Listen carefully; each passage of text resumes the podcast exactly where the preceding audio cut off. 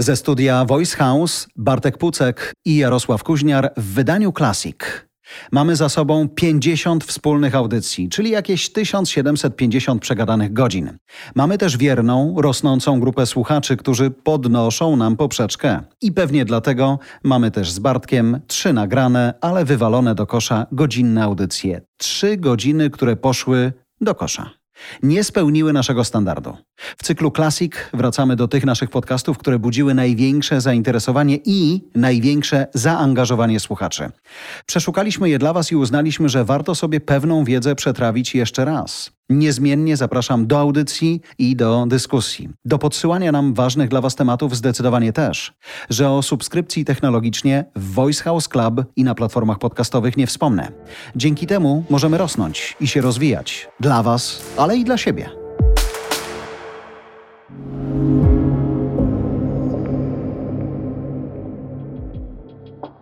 Ze studia Voice House Bartek Pucek i Jarosław Kuźniar. W najnowszym odcinku podcastu Technologicznie Pivot w biznesie. Jak, kiedy, gdzie, z kim i po co. W którymś momencie Bartek mówi: Boję się chwili, kiedy w projekcie nie ma pivotu. Czym jest taka zmiana? Jak głęboka być powinna? Czy pivot to zawsze recepta na błąd? A może pivotować trzeba także wtedy, kiedy wszystko idzie po naszej myśli? Mamy sporo przykładów. Posłuchajcie i podzielcie się swoimi.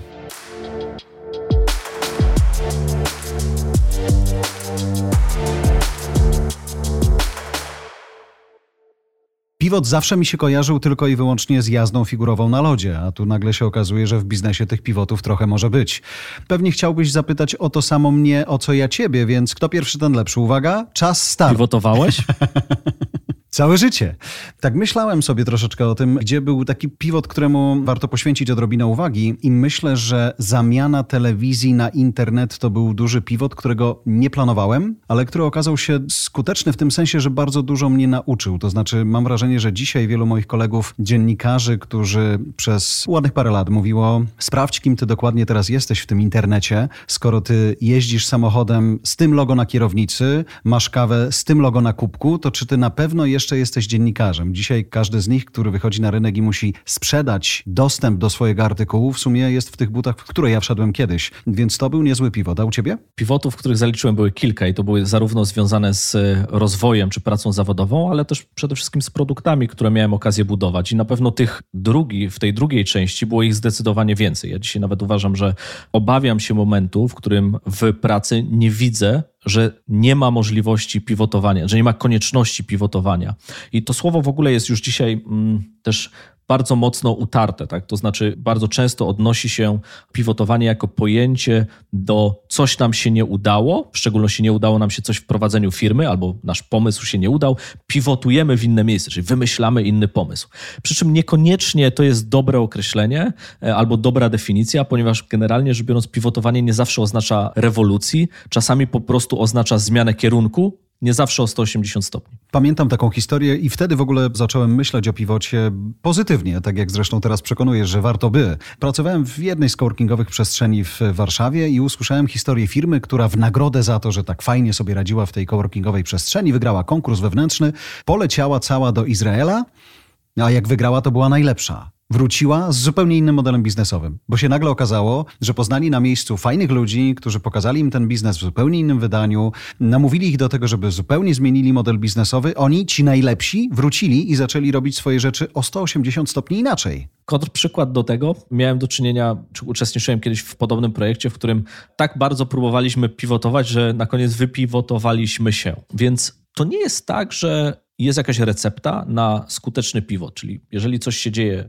źle albo nie tak, jakbyśmy chcieli, chcielibyśmy podążać w innym kierunku, wykonujemy ten pivot produktowy, czy związany bezpośrednio z, e, z nami, z naszym rozwojem i, i jest jedna dobra ścieżka, nie ma, ale w przypadku przedsiębiorstw, czy w ogóle pomysłów, które chcemy realizować w momencie, w którym budujemy firmę, jest kilka czynników, które moim zdaniem umożliwiają zmniejszenie ryzyka takiej ewolucji. Pierwsza rzecz to jest zrozumienie tego, czym jest kultura innowacji, czyli to jest kultura nieustannego eksperymentowania i sprawdzania, dlaczego nie mamy racji. I trzeba być w zupełności wewnętrznie ok z tą świadomością. Ponieważ jeżeli nie będziemy z nią ok, to za każdym razem, kiedy nam się coś nie uda, będziemy to traktowali nie jako eksperyment, który się nie udał, który powinniśmy powtórzyć w inny sposób, tylko jako osobistą porażkę. I to na koniec ten dług, który w ten sposób zaciągamy, przyjdzie nam spłacić wewnętrznie. Druga kwestia to takie głębokie zrozumienie szans i ryzyk, które się dzieją w świecie technologii. Dlatego, że jeżeli masz dobrą świadomość tego, jakie możliwości niesie ze sobą technologia, w oparciu o którą chcesz budować swój produkt, szanse na to, że będziesz musiał skręcać mocno, hamować mocno ze swoim produktem czy swoją organizacją, są mniejsze. To się na pewno wydarzy, ale generalnie rzecz biorąc, jest mniejsze ryzyko. Kolejna rzecz jest taka, że pivotujesz zazwyczaj wtedy, kiedy nie udało się zwalidować realnej potrzeby klienta, którą Twój produkt rozwiązuje. Ponieważ gdybyś rozwiązywał problem dla klienta w skali, to nie potrzebowałbyś w ogóle pivotować. Dlatego, że jedyna, jeżeli znalazłeś problem i potrafisz na niego odpowiedzieć w postaci swojego produktu, to jedyne Twoje zadanie to jest utrzymać rozumienie tego problemu oraz skalować swój produkt w taki sposób, żeby coraz więcej osób z niego korzystało. Czyli identyfikujesz kolejne osoby z tym samym problemem, to są Twoi potencjalni klienci. I nie można do tego mieć zero-jedynkowego podejścia, ponieważ każdy klient może mieć inny, może mieć różne potrzeby, ale jeżeli jesteśmy w stanie zidentyfikować ten sam wspólny problem u wielu osób, im więcej takich osób ma podobny problem, tym lepiej, ponieważ tym większa szansa, że będzie to masowy rynek albo ewentualnie bardzo atrakcyjna nisza, tym mniejsze prawdopodobieństwo, że będzie trzeba pivotować kolejny raz, bo szanse na to, że nie trzeba będzie pivotować w ogóle, moim zdaniem, w przypadku budowania biznesu opartego o technologię, wynoszą zero. To znaczy, trzeba mieć w głowie jakby ułożone taki rodzaj myślenia, czy też taki rodzaj podejścia, że popełnianie błędów i mylenie się, jeżeli chodzi o założenia, które mamy odnośnie naszego produktu i technologii, są w zupełności ok. To się na pewno wydarzy. Kwestia jest to, co my z tym zrobimy, tak? w jaki sposób eksplorujemy te problemy. Czyli mamy legendarne learning by doing. Tylko zaczęliśmy, zanim jeszcze oficjalnie włączyliśmy mikrofony, może nawet to się nagrało. Dyskusję od tego, że wracam ze spotkania, na którym zrobiłem coś ważnego dla moich projektów, ale wydaje mi się, że zrobiłem to za późno. Choć im dłużej pewnie bym o tym z Tobą mówił, to to uznałbym, że w sumie to lepszego momentu nie było. To kiedy pivotować do cholery? Ale zrobiłeś to i to jest najważniejsze, prawda? To, no tak, to, tak, tak, to, jest, to jest ważniejsze niż to, gdybyś nie zrobił tego wcale.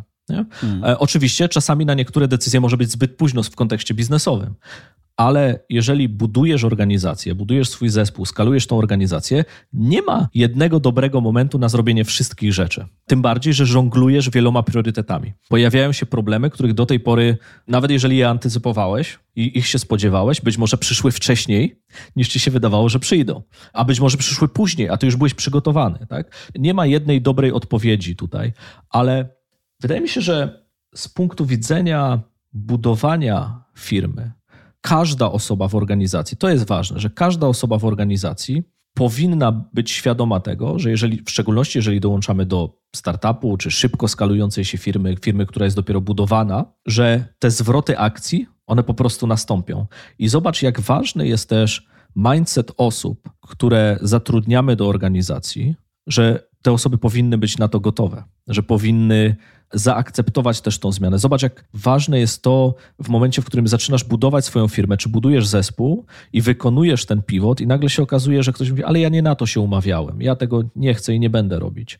Zobacz, jak ważny, jak duży wpływ może mieć na Twój zespół i organizację niewłaściwy dobór kompetencji i mindsetu w stosunku do etapu, w którym znajduje się Twoja firma albo Twój produkt. Jak w takim razie, bo są różne sposoby na to, przygotować ludzi, że kiedy już dołączą do Twojego zespołu, no to raczej to rozczarowanie będzie mniejsze, czyli oni wiedzą, na co się szykują i czy na przykład w kulturze organizacyjnej, w takim culture booku, szczególnie firm technologicznych, powinno być wpisanie jak największym boldem i jak największym kapslokiem tego, że pivot to nasza natura? Wiesz, zmienność przynajmniej w organizacjach technologicznych, powinna być częścią kultury organizacyjnej. Teraz, czy pozostanie ona tylko i wyłącznie w culture booku? No tak, tak, tak. Czy faktycznie będzie filtrem, na przykład w procesie rekrutacyjnym? To jest najważniejsze pytanie. Czy będzie filtrem w procesie na przykład budowania produktu? Tak? Ostatnio miałem możliwość pracy z jednym z zespołów, no i okazało się, że na sztandarach najważniejsze metodologie e, technologiczne, jakie istnieją, e, ale jeżeli zajrzeć głębiej, okazuje się, że mikromanagement w pełni. No i możesz sobie obiecywać różne rzeczy, ale to, co jest realnym zachowaniem później firmy, organizacji, zespołu i ludzi, to to tak naprawdę się będzie liczyło. I teraz dlatego podkreślam ten proces rekrutacyjny w firmach. Dlaczego jest kluczowy? Ponieważ to jest ten moment, w którym najczęściej ten błąd jest popełniany. Wszystko inne po procesie rekrutacyjnym jest konsekwencją złego procesu rekrutacyjnego wcześniej. O jedną rzecz chciałem zapytać a propos pivotu. Zakładamy, że to jest nasza natura, ale jednak y, no, jedziemy w jakimś kierunku przez jakiś czas. Jak przygotować zespół, który przyszedł, jest w coś zaangażowany do tego, że dobra, panowie, cholera to jednak będzie w lewo.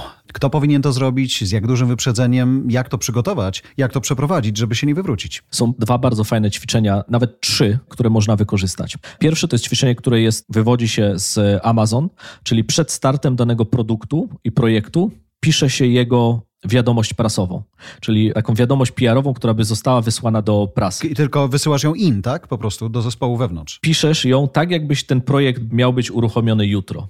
To jest bardzo trudne ćwiczenie. Polecam każdemu je przeprowadzić. Chcesz stworzyć jakiś produkt czy projekt wewnątrz organizacji czy wewnątrz swojej firmy. Siadasz i zaczynasz pisać wiadomość, którą wyślesz do prasy. Co w niej będzie? I teraz oczywiście, jeżeli tylko nie będziesz uprawiał bullshit bingo wiadomości prasowych, czyli trafić jak najwięcej popularnych słów, żeby ktoś to później opublikował, tak? to takich rzeczy jakby nie, nie róbmy, zostawmy to innym.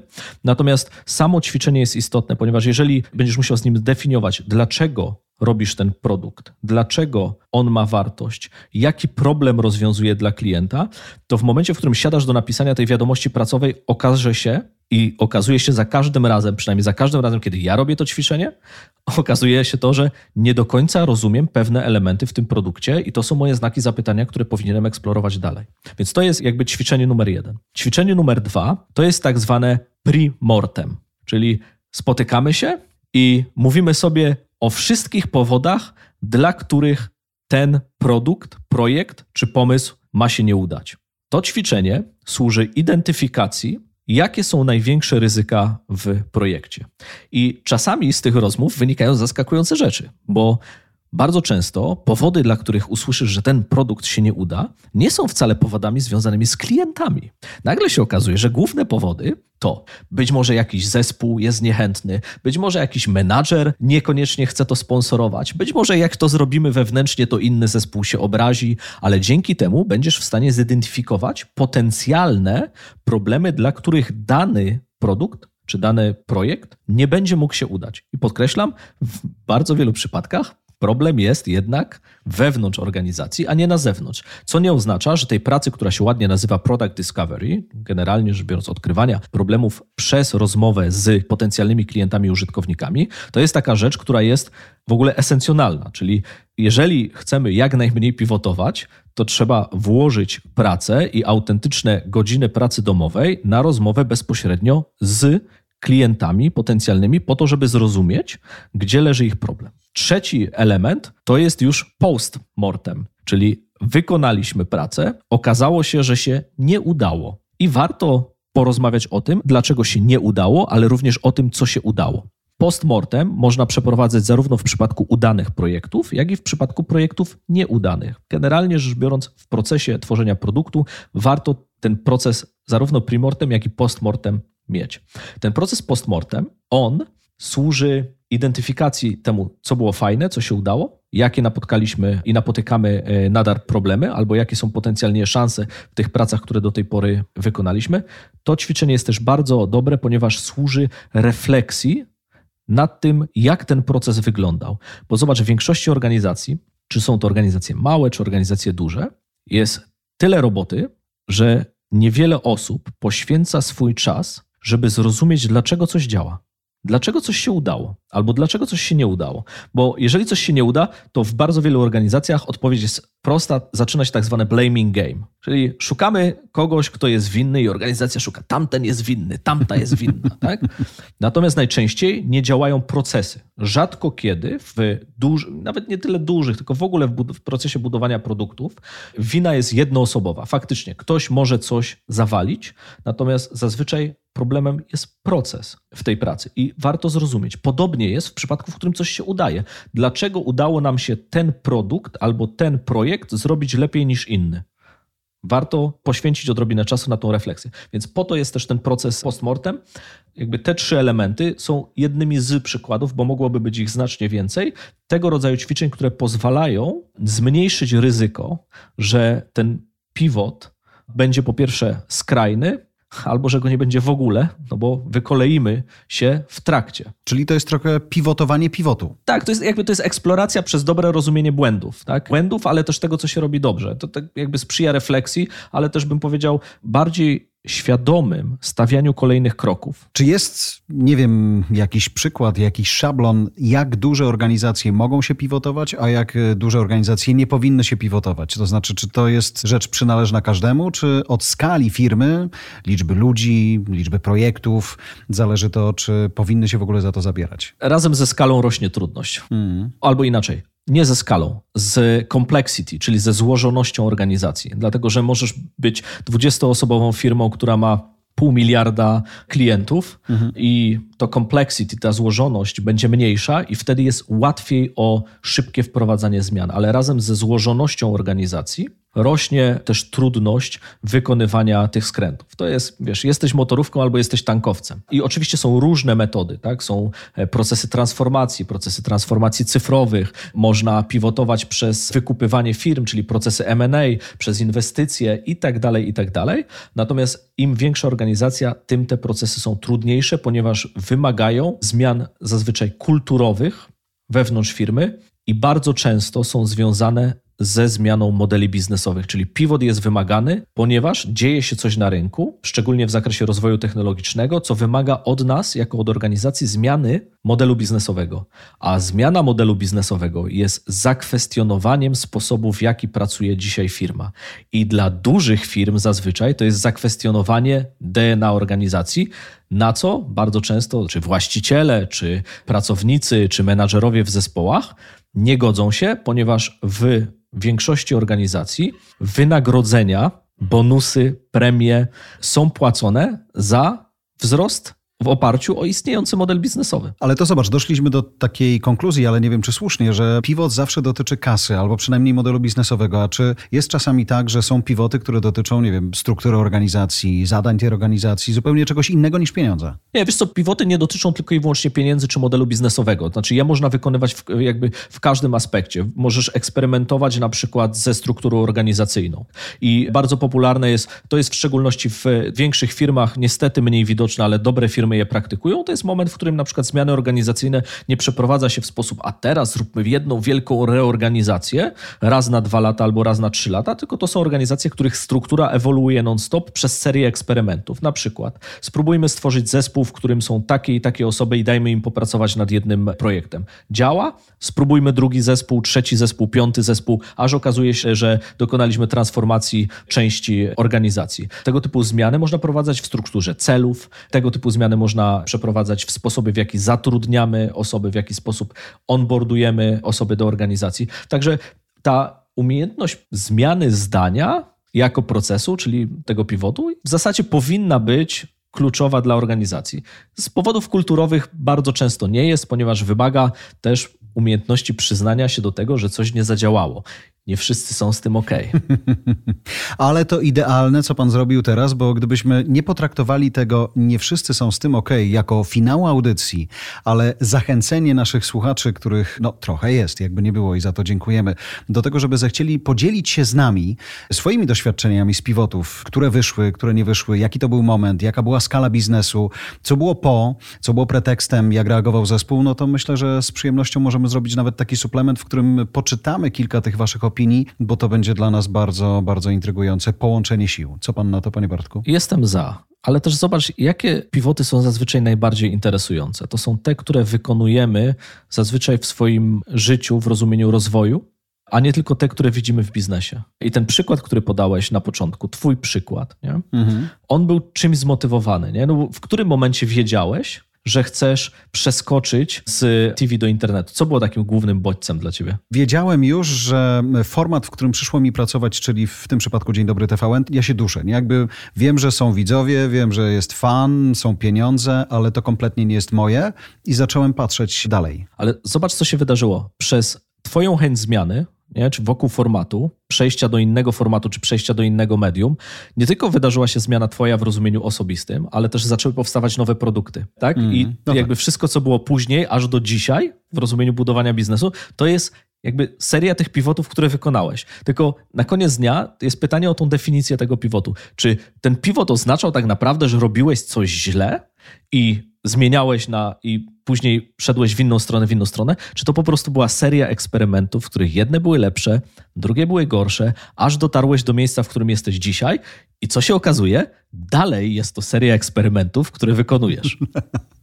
I uwaga, kolejny eksperyment przyszedł mi do głowy teraz. Nie wiem, czy oglądałeś kiedyś taki serial, chyba to było HBO In Treatment? Niestety nie. Dobra, świetnie zrobiony, z genialnym psychoterapeutą, który był główną postacią tego serialu, Irlandczykiem, w ogóle idealnie dobrany do tej roli. Ja się poczułem trochę jak na kanapie u niego, kiedy Pucek robi mi taki In Treatment właśnie. Myślę, że biznesowe kozetki to by było coś fajnego. Wiesz, siadają nasi słuchacze na przykład, a my mówimy, okej, okay, opowiadaj.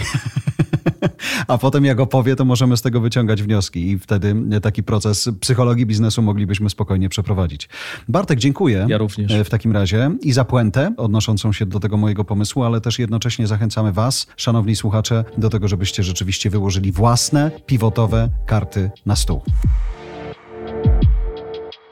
Dziękujemy za Twoją uwagę, ale zanim się rozłączysz albo posłuchasz kolejnego odcinka, mam prośbę. Spotify pozwala teraz na ocenę podcastów. Jedna, dwie, trzy, cztery albo pięć gwiazdek. Bądźcie z nami szczerzy. Dziękuję. Jeżeli jeszcze nie subskrybujesz naszej audycji, zrób to na Apple Podcast czy Spotify. Nie przegapisz najnowszego odcinka i pomożesz nam się wspinać na listach podcastowych przebojów. Zasubskrybuj także inne podcasty od Voice House. Znajdziesz je na każdej platformie podcastowej, w każdym kanale social mediowym. Zapraszam też na stronę Voice House po więcej dobrej treści.